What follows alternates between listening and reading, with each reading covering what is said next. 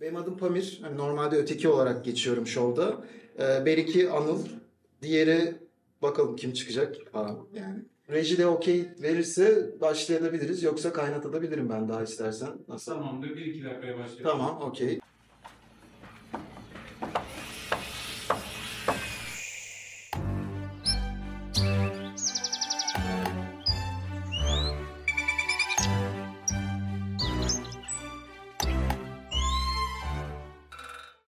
Podcast'i beraber yaptığım arkadaşımı yani Beriki'yi yani Anıl'ı sahneye davet ediyorum. Evet. Nasılsın Pamir? İyiyim ben bayağı alıştım buraya şu an.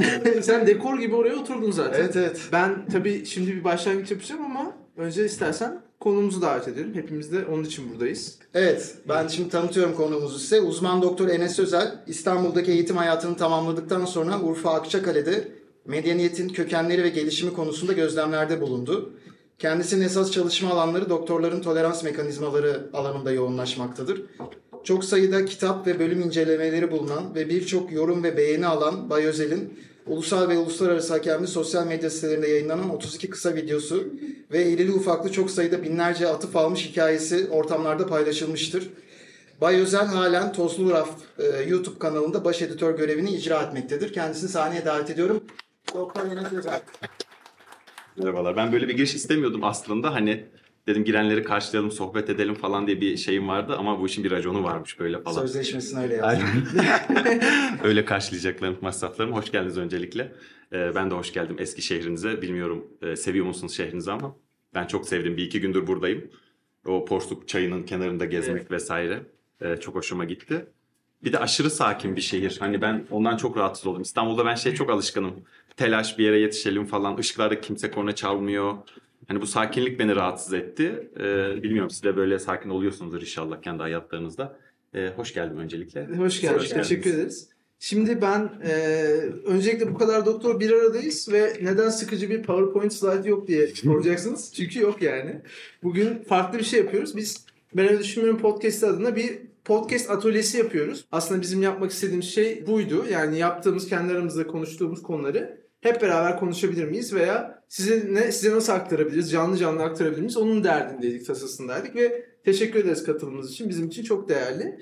Ee, evet aslında e, daveti yaptık. Enes geldi. Sen de istersen bir giriş yap. Sonra da devam edelim. Az önce hani podcast'ten bahsetmiştim. Biz konular hakkında konuşurken bazı işte tespitlerde de bulunduk. Ee, or şey yaptık yani psikolojik olarak bazı yorumlarda bulunduk haddimizi aşarak.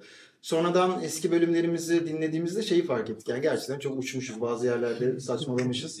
Keşke bölümleri bir psikiyatrist eşliğinde çekseymişiz de bizi konunun uzmanı uyarsaymış. Aslında uzman görüşü için buradayız. Yani Evet. yaptığımız şeyin fikrini, neden yaptığımızı, altyapısını ona sormak için buradayız. E ben müsaadenle Enes bir ilk soruyla başlamak istiyorum ama Lütfen. soruyu sana sormayacağım. Mustafa burada mı? Mustafa kendini bir tanıtır mısın? Ayağa kalkar mısın lütfen? Organizasyonu yaptığı için kendisini bir alkışlamak istiyorum. Mustafa ben sana bir soru sorabilir miyim? Yani, yani herkese soracağım. Ee, bu arkadaş sizden para aldı mı? Onu sormak istiyorum. Çünkü biz bilet kesmedik. Yani eğer aldıysa biz oradan tahsil etmeyi düşünüyoruz. Doktorun hali işte. Evet, teşekkür ederiz. Kimseden almadım. Peki, e, ya şimdi ben Enes sana soruyu soracağım. Tamam. E, fikrini de merak ediyorum. Şimdi hepimiz hekim olarak nöbet tutuyoruz. Yoğun koşullarda çalışıyoruz. Fiziksel olarak kendimizi zorluyoruz ama kendimizi bu fiziksel zorluğa alıştırıyoruz. Acaba zihinsel yorgunluğa da belli bir süre sonra alışıyor muyuz? Yani beyinlerimizi buna eğitebiliyor muyuz? Onu merak ediyorum.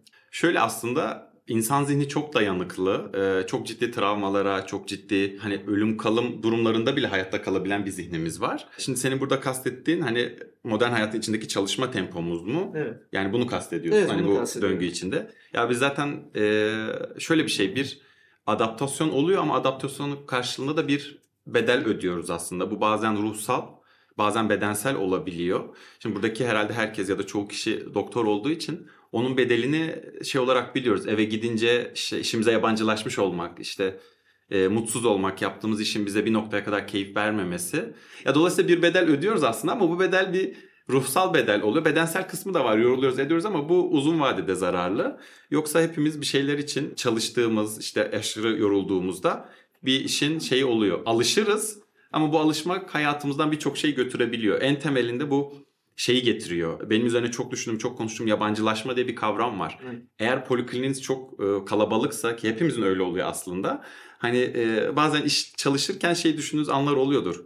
Eğer devlet hastanesinde ya da yoğun bir özel hastanede çalışıyorsanız ben bunu şu anda niye yapıyorum ya? Ben bu işi niye yapıyorum? Para kazanmak için mi yapıyorum? Ve sadece para kazanmak için yapılan bir şeyin bedeli de o e, kendinize yabancılaşma oluyor ve bir süre sonra işten mutsuz olmaya ve hayat ve iş arasındaki bir bölünmeye neden oluyor. Bu da eninde sonunda tabii ki peşinden mutsuzluğu getiriyor.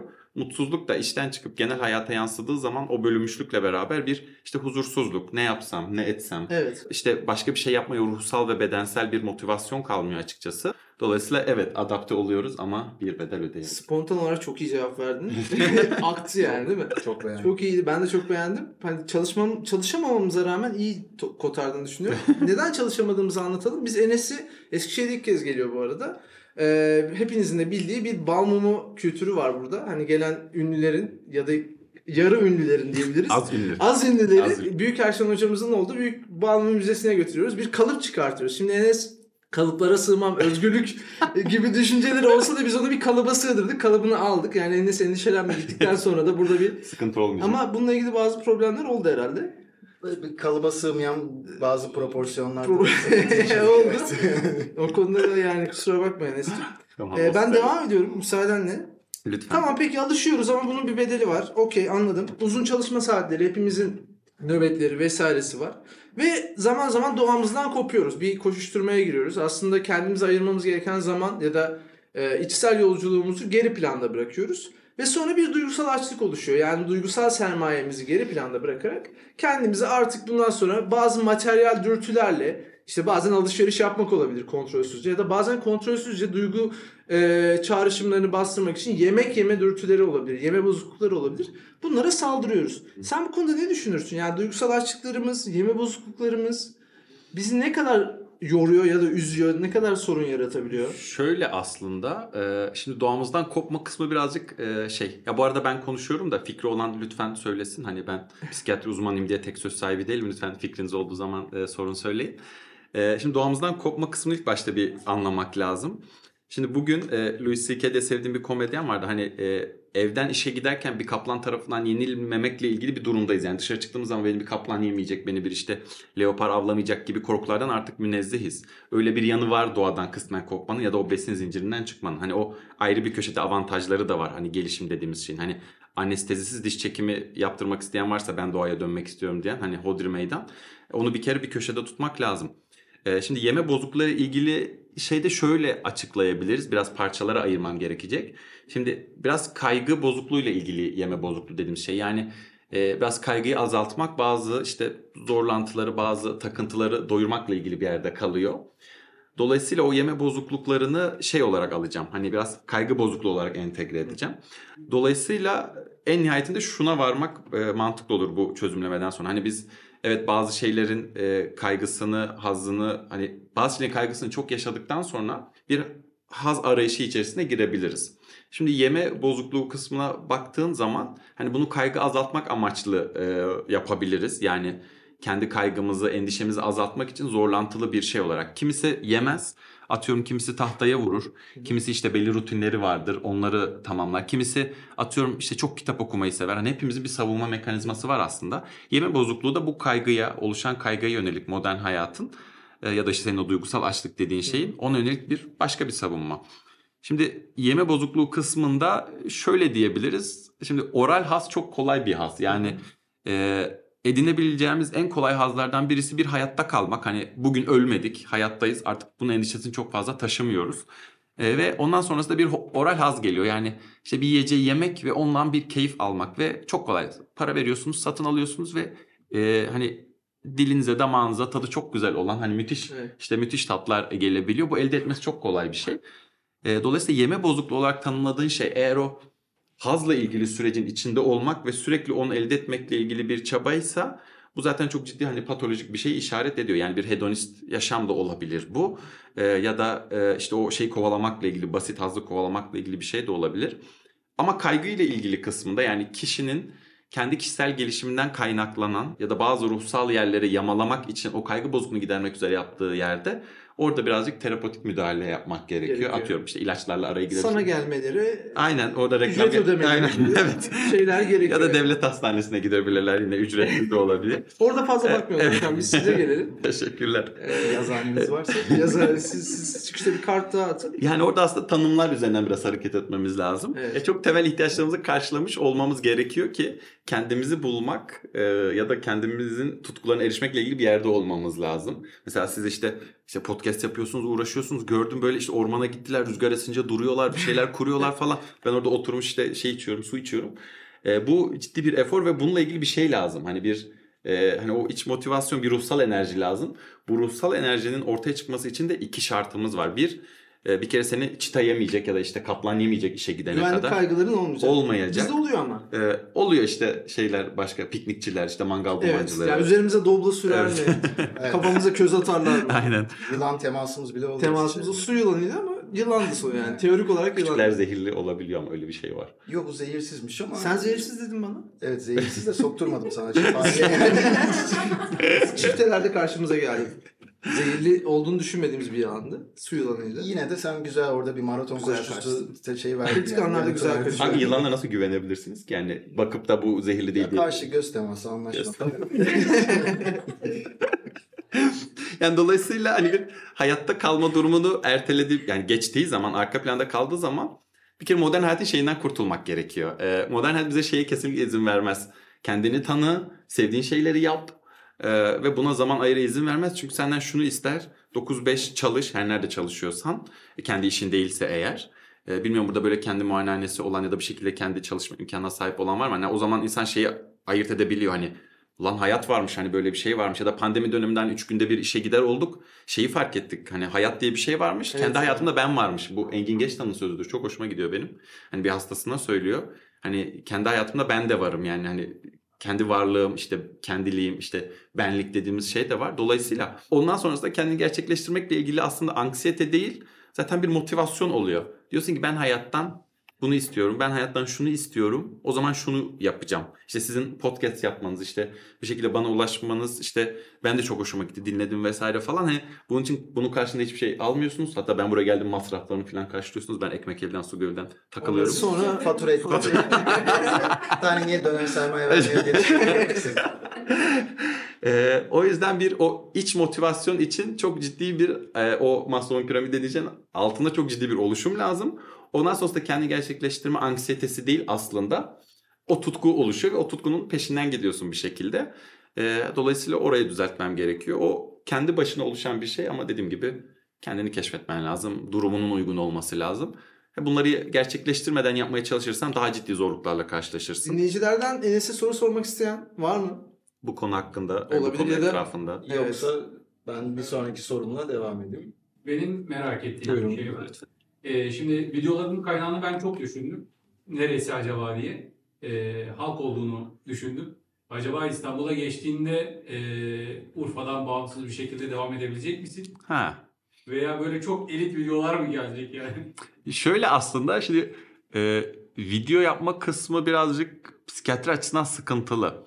Çünkü hani hastalarla aramızda çok hani bir terapötik bağ var. Hani hastanın her şikayeti bizim için çok ciddi. Atıyorum hastanın uyuyamıyorum demesi aslında çok ciddi bir şikayet. Arkasında ciddi bir yaşanmışlık e, oluyor.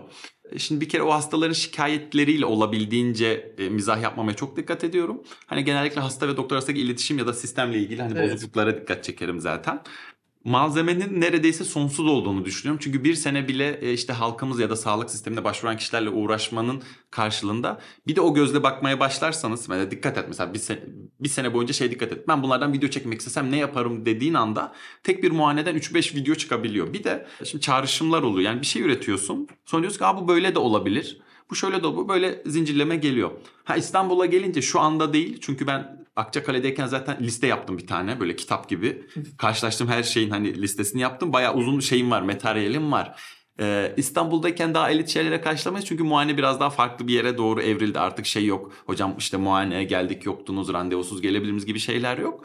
Ee, bu noktada şöyle bir şey olabilir. Ya içerik bittiğinde ben diyeceğim ki arkadaşlar ben bittim yoruldum bu kadar benden deyip bırakacağım. Tabii ki ben istesem de istemesem de bir değişim ufak ufak olacaktır. Onu benden ziyade e, beni takip edenler anlayacaktır zaten. Ya bir sene önceki videolarla bir sene, sene sonraki arasında bir fark var. İstanbul'a geçince orada yine tiye alınacak şeyler bulur mu deyince bence Cihangir tayfası yeterince malzeme verecektir diye düşünüyorum. Bir de bu son zamanlarda televizyondaki diziler bildiğim kadarıyla camdaki kız olsun işte eee, ne apartmanıydı? Masumlar Apartmanı hep psikiyatristlerin romanlarından uyarlanmış. Gülseren Kadayıfçıoğlu muydu? Öyle biri herhalde. Budayıcı. Budayıcı oğlu mu? Acıkmış ama. Olabilir. Kadayıfçı kalmamış. Adam. Aklında kalmamış. O yüzden hani farklı yönlere geçeceğim dedi ya belki kitap yazar belli mi olur? E, kitap yazmak istiyorum da henüz değil. Biraz daha pişmem lazım onunla ilgili. Belki dizi çeker canım. Ne kitap. E O, ikisi de olur. Evet. Genelde önce Teşekkür kitap ediyorum. oluyor. Bazen diziden ya da film tuttuktan sonra onun kitabını yazdıkları da oluyor.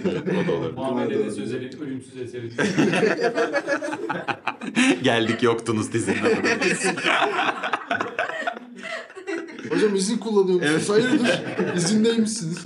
Bak bir de o Cihangir tayfa dedin de mesela e, bir şeyin güldürüsünü yaparken e, belli bir kümeye çok fazla e, iğnelememek çok önemli. Mesela o Cihangir Müşteri tayfaya bulaşırsan yani? abi ya çok affedersin hepimiz doktoruz götünden kan alırlar. Hani yani hani şeyi anlatamıyorsun insanlara hani abi işte komik bu ama işte sen ama bize bulaştın. Hani ya şöyle bir şey bir de e, kendi samimi e, şu şeyimi açıklayacağım endişemi. Şimdi video yaptığım için e, insanlar şeyden endişe edebilir. Lan şimdi hocaya gideceğiz videosuna meze olacağız bir de para verip öyle bir endişeleri de olabilir. Doğru onu lütfen kayıtlara Evet alalım. arkadaşlar öyle bir şeyim yok hani e, şimdilik işleri de sonrası bilmiyorum tabii ne olacak. Çok güzel bir yere değindin. Yani insan aslında kutsal saydığı şeyleri bazı kişiler çok hassas olabiliyor bu konuda. En ufak bir e, yorum geldiğinde hemen savunma moduna, eleştiriye geçiyorlar.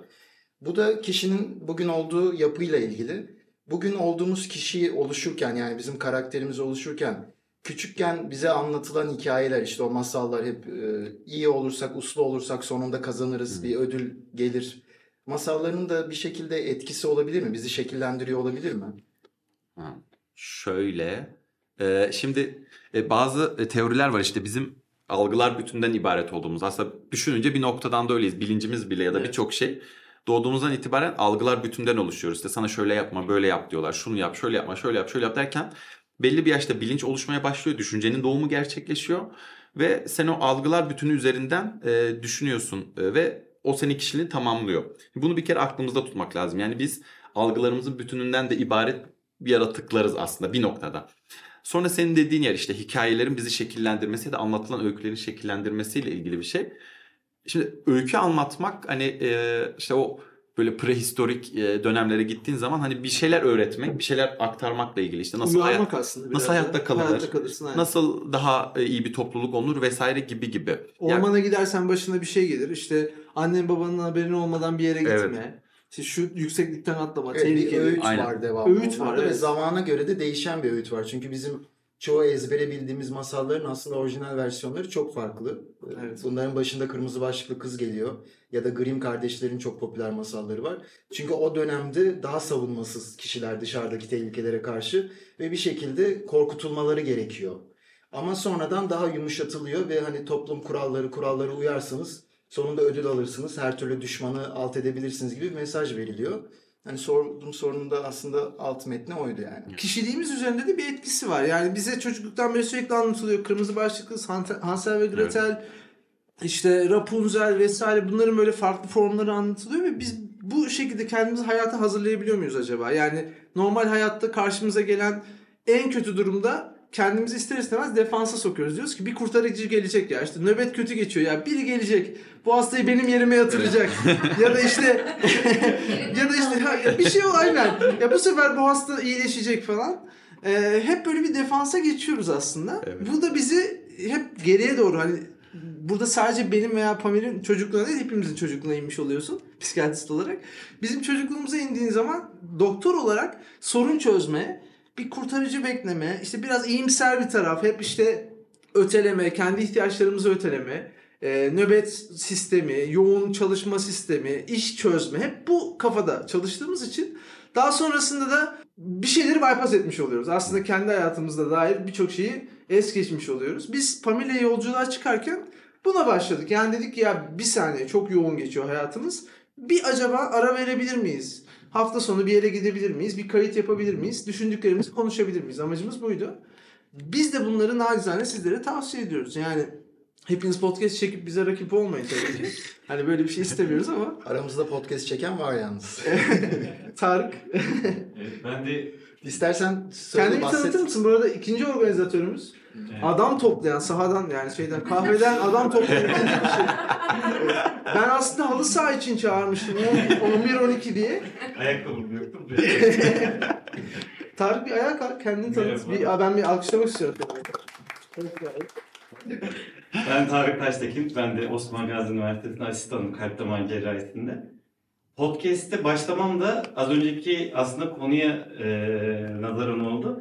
E, pandemi dönemine geçtiğimizde ben 15 nöbet tutuyordum ayda. Sürekli. Blok nöbetlerimiz, cuma pazar nöbetlerimiz.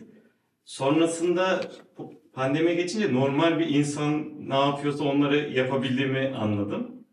Ee, o zamana kadar hiç farklı fırsatım olmuyordu. Ee, sonra arkadaşlarımızla işte yeni bir kapı açmak istedik kendimize. Hani kafamızı boşaltmak istedik. Evet. Bunu da aslında sormak istiyorum. Yani çok yoğun tempoda çalışan asistan arkadaşlarımız da var. Az çalışan asistan arkadaşlarımız. Dermatolog mu? Hangi bölüm? Halk sağlığı. Halk sağlığı, tamam. Ben Gelebildiğine göre. Aslında. Yani siz sorunuzu sorun ben. Evet, yani şimdi ben mesela blok nöbetten çıktığım zaman uyumam gerekiyor ama Sen burada ameliyattan çıkıp geldin. Hastayı Evet. kapattın mı? Kapattım yani. geldin. yani uyumakla bir şeyler yapıp o duygusal e, boşluğumu doldurmak arasında çok gelip gidiyorum. Çünkü e, eve geldim uyumam lazım çünkü ertesi gün başka bir ameliyat var ama uyursam bütün hayatım hastane olmuş oluyor. Bunu hangisine dengeyi nasıl oturtacağımı bilmiyorum. Bir diğer sorun da şu. Ben hastanede birçok hani kendi bölümüm itibariyle acil servis böyle yani üzüntü görüyoruz hani orada. Evet. Evet. Ama sonra dışarı çıkıyorum mesela yüzüm gözüm bazen kan içinde eve geliyorum ve diyor ki ailem kahvaltıya niye geç geldin çay soruyor. Yani böyle küçük tripler o kadar küçük gelmeye başlıyor ki o üzüntüleri görünce. Hani onun dengesi de yani mesleğimizle dış dünyanın dengesini çok iyi ayırmamız lazım herhalde değil mi? Bu çok zor bir soru. Şimdi bir kere 15 nöbet tutmak hani yasal olmadığını biliyoruz. Ee, insani olmadığını biliyoruz. Aynen blokla orayı. Mikrofona şey, gofret sesi falan bir şeyler koy. Ee, biz hekimler olarak onu koruyamamış olmak bizim suçumuz. İnsanız hepimiz ve bir yerlere gelince o insan olarak önceden asistan olup çile çeken herkes uzman işte doçent prof neyse bir yere gelince bunu değiştirmiyor olmak hani bizden sonrakilere de aynı zulmün yapılacağını e, görmeyerek razı olmak ne yazık ki bizim suçumuz. Bugüne kadar işte bir insan 15 nöbet tutar mı deyip ayaklanmıyor olmamız, bunu sorgulamıyor, buna direnç koymuyor olmamız bizim suçumuz. Dolayısıyla seni böyle bir ikileme bırakmak zorunda kalan bir sistemden ötürü e, senin uzmanların, hocaların, aynı çileyi çeken insanların senden özür dilemesi lazım ama bunu yapılmıyor. Yapan insanlar da var ama bu yapılmıyor. Oraya gelenler diyor ki ben çektim o da çekecek ve sen de aynı zincire giriyorsun. Sonra iyi ahlaklı ya da vicdanlı aynen kapa. Ee, çünkü şöyle bunlar acı gerçekler. Yani vicdanlı insanların bir yere gelmesi çok kolay olmuyor bu ülkede. Ee, birileri bir yeri kaparak bir yerlere geliyorlar ve öyle olunca da alttakilere acımıyorlar. Seni böyle bir durumda bırakmaması lazım sistemin. Sana bir insan gibi muamele edip e, uykumuyu tercih etmeliyim, hayatımı tercih etmeliyim gibi bir soruda bırakmaması lazım. Öyle bir durumda gerçekten bu işin çözümü senin için en pragmatik hangisi onu seçmek ta ki bu zincirden çıkana kadar. Yani sana şunu diyemem hani nöbetten çık podcast çek çekmiyorsan işte insanlığını bilmiyorsun gibi bir şey diyemem. Çünkü çok temel bir ihtiyaç uyku ihtiyacı. Değil mi? Hassas zaten öyle. Uyuyacak. Hassas yani. Uyuması, uyumamız lazım. Uyumamız yememiz lazım. Bu bir. Dolayısıyla orada çok bir tercih hakkın yokmuş gibi ama tercihini kendini gerçekleştirmekten yana kullanıyorsan bu gerçekten çok takdire şayan. En azından o emeğinin bir kısmını. Burada da ne yazık ki elimizde çevremizde bizi anlayan insanları toparlamaktan başka bir şey gelmiyor. Yani bizi anlayan işte abi ben bugün gelemeyeceğim nöbet çıkışım yorgunum. Tamam işte dinlen keyfine bak diyebilecek insanları çevremizde toplamaktan başka bir şey gelmez. İşte o yüzden doktorlar halı sahada hep doktorlarla maç yapıyor. Yani hep böyledir. Etkinliğe doktor. Hep bir şey. Bak görüyorsun yani. Dolayısıyla bu zor bir şey. Zor çok, bir şey. çok çok zor Biz, bir şey. biz anlıyoruz yani. Çok karamsar cevaplar verdim. Özür dilerim o yüzden ama e, seçenek açısından öyle yani elimizde. Biraz ben varoluşçu birisi olduğum için. Evet. Aslında benim anladığım da biraz sempati ve empati farkıyla ilgili. Yani ailen sana sempati duyuyor, seviyor ama tam olarak anlama yani senin Daha farklı bir şey, evet. çözemiyor. Şimdi şöyle ben hani psikiyatrist bulmuşken gerçekten bahsetmek istediğim bir konu var. Bu içinde bulunduğumuz hisle ilgili. Yani hepimiz için belki bunu söyleyemem ama ben anlatayım. Belki bu aynı şekilde hisseden kişiler vardır aramızda. Buna ben yanan bina metaforu diyeceğim. İçinde bulunduğum bu hissi tanımlarken. Nasıl bir his? Şöyle anlatayım. Biz hepimiz kendimizi bir bina olarak düşünebiliriz. Yani inşa ettiğimiz bir işte kariyerimiz, hayatımız var, karakterimiz var. Bunun ilk katları tabii ki biz farkında olmadan inşa ediliyor. İşte etraftaki kültürel normlar diyelim ya da büyüklerimiz tarafından, annemizden babamızdan aldığım eğitim, işte hocalardan aldığımız eğitim.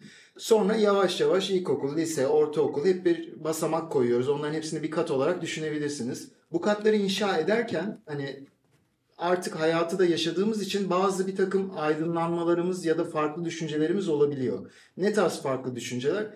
Kültürel normlara aykırı düşüncelerimiz gelişebiliyor zaman içerisinde. Hani yetiştiğimiz ortamdan farklı olarak ve bunu da tesisat olarak düşünebilirsiniz oradaki. Bir sonraki katta yeni bir tesisat kullanıyorsunuz. Mesela yeni bir alışkanlık elde ediyorsunuz. Bu yeni kattaki bu koyduğunuz e, oda diyelim yaptığınız yer tesisatta bir uyumsuzluk yaratıyor.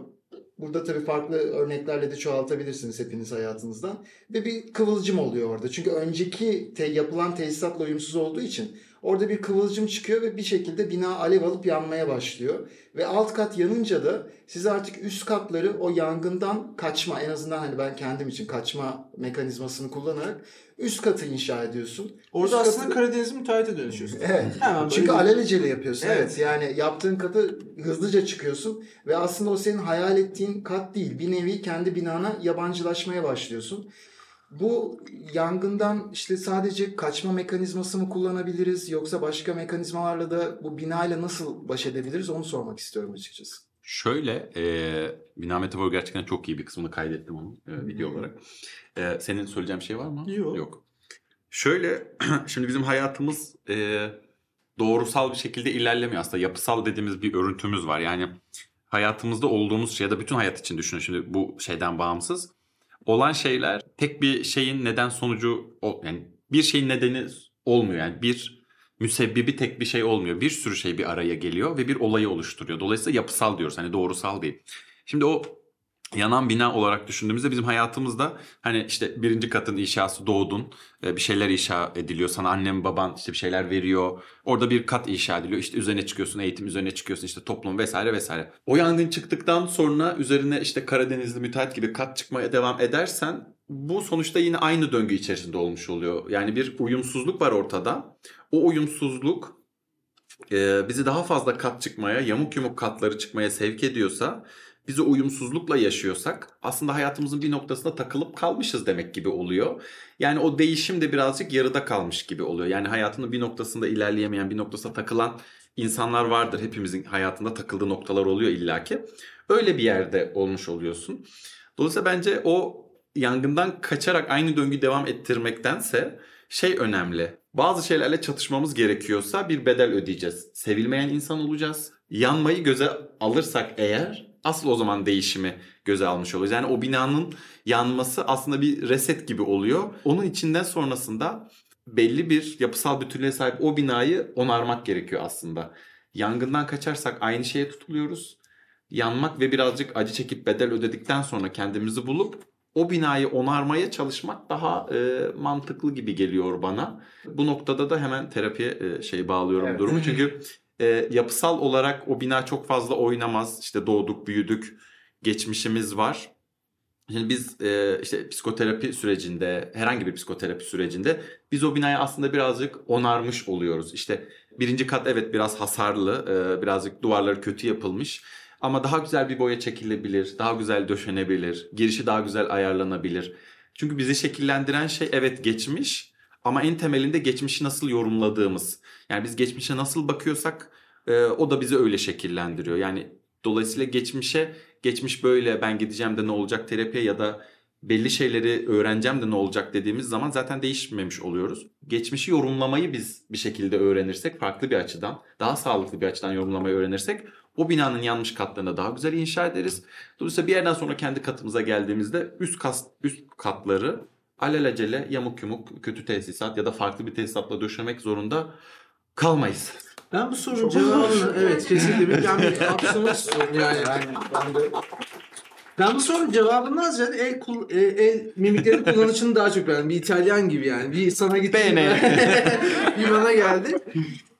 Ben de şeyi beğendim yani bu benim hep kafamı kurcalayan bir şeydi ve psikiyatriste sormak istiyordum. Bunu bedavaya getirmiş olmanı çok danışmanlık ücreti içerisinde yer alıyor. Bu arada hepimiz illaki o e, değişimden bir şekilde geçmişizdir. Hani hayatınızın bir noktasında ya ben şimdi ne yapıyorum ya da hayatımda ne yapacağım dediğiniz bir yere evrilmişsinizdir. Evrilmeseniz bile hayat sizi onu özellikle biz tıp fakültesinde bir şekilde çalışan, uğraşan kişileri meşgul tutuyor tamam mı? Bana gelen birçok kişi e, işte doktor geliyorsa danışan genellikle uzman olana kadar hayatında ciddi bir sorun yaşamıyor. Evet. Uzman olup hayata atıldıktan sonra şey oluyor. E şimdi hani şimdi So ne olacak? what? Evet Ne yapacağız? mecburi de bitiyor ve önünde hayatın bütün o seçenekleri e, var. Dolayısıyla seçtiği ya da seçmediği bütün seçeneklerin sorumluluklarını da üstlenecek insan ki bu aslında çok ağır bir şeydir. E, onu yaşamaya e, başlıyoruz. Uzman olu deheniz bittiği zaman bu sözümü bir hatırlayın. Ben şimdi ne yapacağım hayatta dediğiniz zaman umarım cevabınızı bulmuş olursunuz. Bulamazsanız da bir psikoterapiste başvurabilirsiniz. Bir şey soracağım ben. Lütfen. Ee, çok merak ediyorum. Sabahtan akşama kadar birçok kişinin kişisel problemlerini dinleyip ciddi bir empati yapmak gerekiyor sanırım bunlara çözüm bulabilmek için de. Gün sonunda nasıl hala de durabiliyorsun yani sağlıklı kalabiliyorsun? Şöyle aslında benim takip ettiğim ekolde biraz işte varoluşçu ve psikodinamik bir ekol takip ediyorum. Normal poliklinik doktorluğu gibi değil. Ben hastalara çözüm bulmuyorum. Hastaları dinliyorum. Ee, onlara birazcık yol gösteriyorum. Çözüm bulan kişi çok da psikiyatrist olmaz aslında o e, hayat koçluğu gibi bir şey oluyor. Danışmanlık gibi bir şey oluyor. Ya bir kişi de çözüm buluyorsa çok fazla psikiyatrist değildir ya da o başka bir ekolü takip ediyordur. Benim Beyin ekolüm o değil. Gibi aynen. He. Dolayısıyla e, çözüm bulmuyorum. Onu bir aradan çıkaralım. Birçok insana dinlemek yorucu mu? Bazen bazı yükleri taşıdığımızda ruhsal olarak biz gerçekten hani 40-45 dakika dinlediğimiz kişileri taşıyoruz içimizde ve çok yorulduğum zamanlar atıyorum işte araçla kaza yapacağımı fark ettiğim oluyor. Dikkatimin dağıldığı oluyor. Bu yorucu bir şey ama şundan daha yorucu değil. Şimdi aklıma şöyle bir cümle geldi. E, kongrede e, kıymetli bir hocayla meslek üzerine konuşurken bana şöyle bir şey demişti. Onur Yılmaz adı da. E, bence psikoterapi gideceksiniz ona gidin bana gelmeyin. Hani özellikle söyleyeyim. E, bana şey demişti. Yorgunluğunuzdan keyif, alın, keyif aldığınız mesleği seçmek çok önemli demişti. Ve çok doğru. Ben bu işin yorgunluğundan çok ciddi bir keyif alıyorum, haz alıyorum. Yani yoruluyorum evet. Ama eve gidince bu yorgunluk bana yabancı gelmiyor. Ben birilerine yardım ettim ya da birilerinin hayatında bir iz bırakmanın o e, şeyini yaşıyorum, keyfini yaşıyorum. Aslında hepimiz belki bunu yaşamak için doktor oluyoruz ama sistem buna çok izin veremiyor. Dolayısıyla evet yoruluyorum ama bu bana keyif veriyor. Bir kişinin hayatındaki bazı problemleri çözüp ruhsal olarak biraz özgürleşmesi, atıyorum 6-7 ay sonra evet Enes Bey ben şu anda biraz daha iyiyim demesi ya benim için o kadar kıymetli ki bunun böyle bir hani parasal bir karşılığı yok benim için biraz. Ve- 6-7 ay. Şimdi pardon. Hani zaten hani psikiyatristin sorunu çözmesi demek aç kalması demek. Yani benim aklımda hep filmlerde şöyle bir sahne var. Ee, hasta ya da danış siz ona Evet. danışan diyorsunuz değil mi? Danışan diyoruz evet. Danışan uzanır. E, psikiyatrist fırın saatini çalıştırır. Aynen. 45 dakika sonunda bu seansımız bitti işte bıdı bıdı lütfen bir sonraki hafta buluşalım der. Sizi işte ücret ödemeye aktarıyorum gibi. Hani 6-7 ay benim için zaten o parayı verdiysem ben zaten hani birçok şeyden yükten hafiflemiş oluyorum yani öyle düşünüyorum. Doğru öyle bir yanı oluyor ama bunun zaten işte bedel ödemenin bir yanı da maddi oluyor ne yazık ki. O yüzden evet yoruluyorum ama keyifli bir yorgunluk. Hepimize umarım hayat öyle bir yorgunluk hani mesleğinizden mesleğinizin yorgunluğundan keyif aldığınız bir şart teslim eder diye düşünüyorum inşallah. Beraber inşallah. İnşallah. Çıkışta poliklinik duası. bir şeyleri ne kadar zor yaptığımızı o yoğunluğun içinde, rutin içinde fark etmiyoruz Evet. aslında. Aldığımız sorumlulukları fark etmiyoruz. Hasta bakarken, hastayı yatırırken, tapucu ederken yani herhangi bir şekilde bir sağlık tavsiyesi verirken bile e, bunun sorgulanabileceğini biliyoruz. Bize ilk geldiğinde Eskişehir'e şunu fark ettim. Hani bizim gözümüzde psikiyatrisi nedir? İşte böyle bir e, kütüphane, bir deri koltuk. Evet. ya işte yat yavrum geçmişine uzanıyoruz. işte çocukluğuna iniyoruz falan. Hep kafamızda psikiyatrist figürü budur. E, kahvaltı yapıyorduk ilk geldiği gün e, beraber. Sonra bir dakika dedi ben hani müsaadenizi istiyorum. Kibar da hani biz, biz şey Tatlı çocuk. Tatlı çocuk falan. E, ben bir müsaade istiyorum telefonla görüşeceğim falan. Bir siparişler geldi falan. İki sipariş arasında e, geldi. E, tamam dedi işim bitti. Hayırdır abi ne yaptın falan. Ya terapi. Uzaktan terapi. yani bir kişiyi aradan çıkardın sen. Hani Evet. o arada telefonla bir kişi çıktı. O arada randevu ayarladım. Ayarladım. Psikoterapi. Yani şimdi artık yeni hayatında yani aslında Urfa'dan çıkıp İstanbul'a tersine bir kültür şokuyla Evet. yeniden hayat kurdun. Bir muayenehane açtın ve burada uzaktan terapi yani normal terapi artık uzaktan terapi Evet. olarak devam ediyorsun. Talep edilen bir şey. Şimdi sen motor hobisi olan bir insansın. Motosikleti seviyorsun. Bunu bireyselleştirmişsin. Ee, aynı motosiklette olmayı tercih etmek gibi. Yani hepimiz işte o metal çelik iskeletlerin arasında arabalarda sabah yolculuğumuza gidiyoruz. Evden işe işten eve gidiyoruz ama sen o metal kafesten çıkmış kendini kokuları, sesleri duyabileceğin, tamamen sana bağlı, konsantre olmak zorunda kaldığın bir araçla gidip Evet. geliyorsun aslında. Bu senin tercihin. Aynen. Metaverse de böyle olabilir. Yani kişiler e, seninle uzaktan bağlantıya girdiği zaman gözlüğü taktıkları zaman işte koku, ses, görüntü gibi Evet. destekler alabilirler. Ne düşünüyorsun bu konuda? Yüz yüzeyken bir kere bu iş daha kıymetli. Onu bir kere bir kafaya koymak lazım. Ancak sanal gerçeklik gözlükleri ya da setupları sadece bir gözlük ya da daha kolay bir şeyden ibaret olduğunda bu iş tabii ki şöyle bir yere gelir. İşte Enes Bey ben hani ofisinize gelmek istemiyorum. Hani işte e, VR üzerinden konuşalım ve görüşelim dediğinde eğer ki o VR gözlükleri gerçekliği çok fazla bozmuyorsa ben de onu tercih ederim ve ve oraya da varacağız belki. E, ama o sanal gerçeklik şeyi sağlar mı? Yine koku diyeceğim ama şimdi kokuyla ilgili bir fetişim varmış gibi olacak. Ee, Hastalık kokuyor. Evet. Bipolar kokuyorsun sen. Sen depresif kokuyorsun falan. Bu arada gerçekten depresyon ya da şizofrenin kokusu görüntüsü var. Gördüğünüz zaman anlıyorsunuz. Ee, Herhalde artık e, Kapatıyoruz. rejimizle bakıyorum. Reji. Süremizin sonuna mı geldik? Katkısı veya sorusu olan var mı ya da yoksa çok teşekkür ederiz. Şey tam kapanırken yani Adamım, heh, söyle. yaptıktan sonra tüm ışıkları açıp beraber fotoğraf çekelim. Harika Aa çok güzel olur. Süper olur.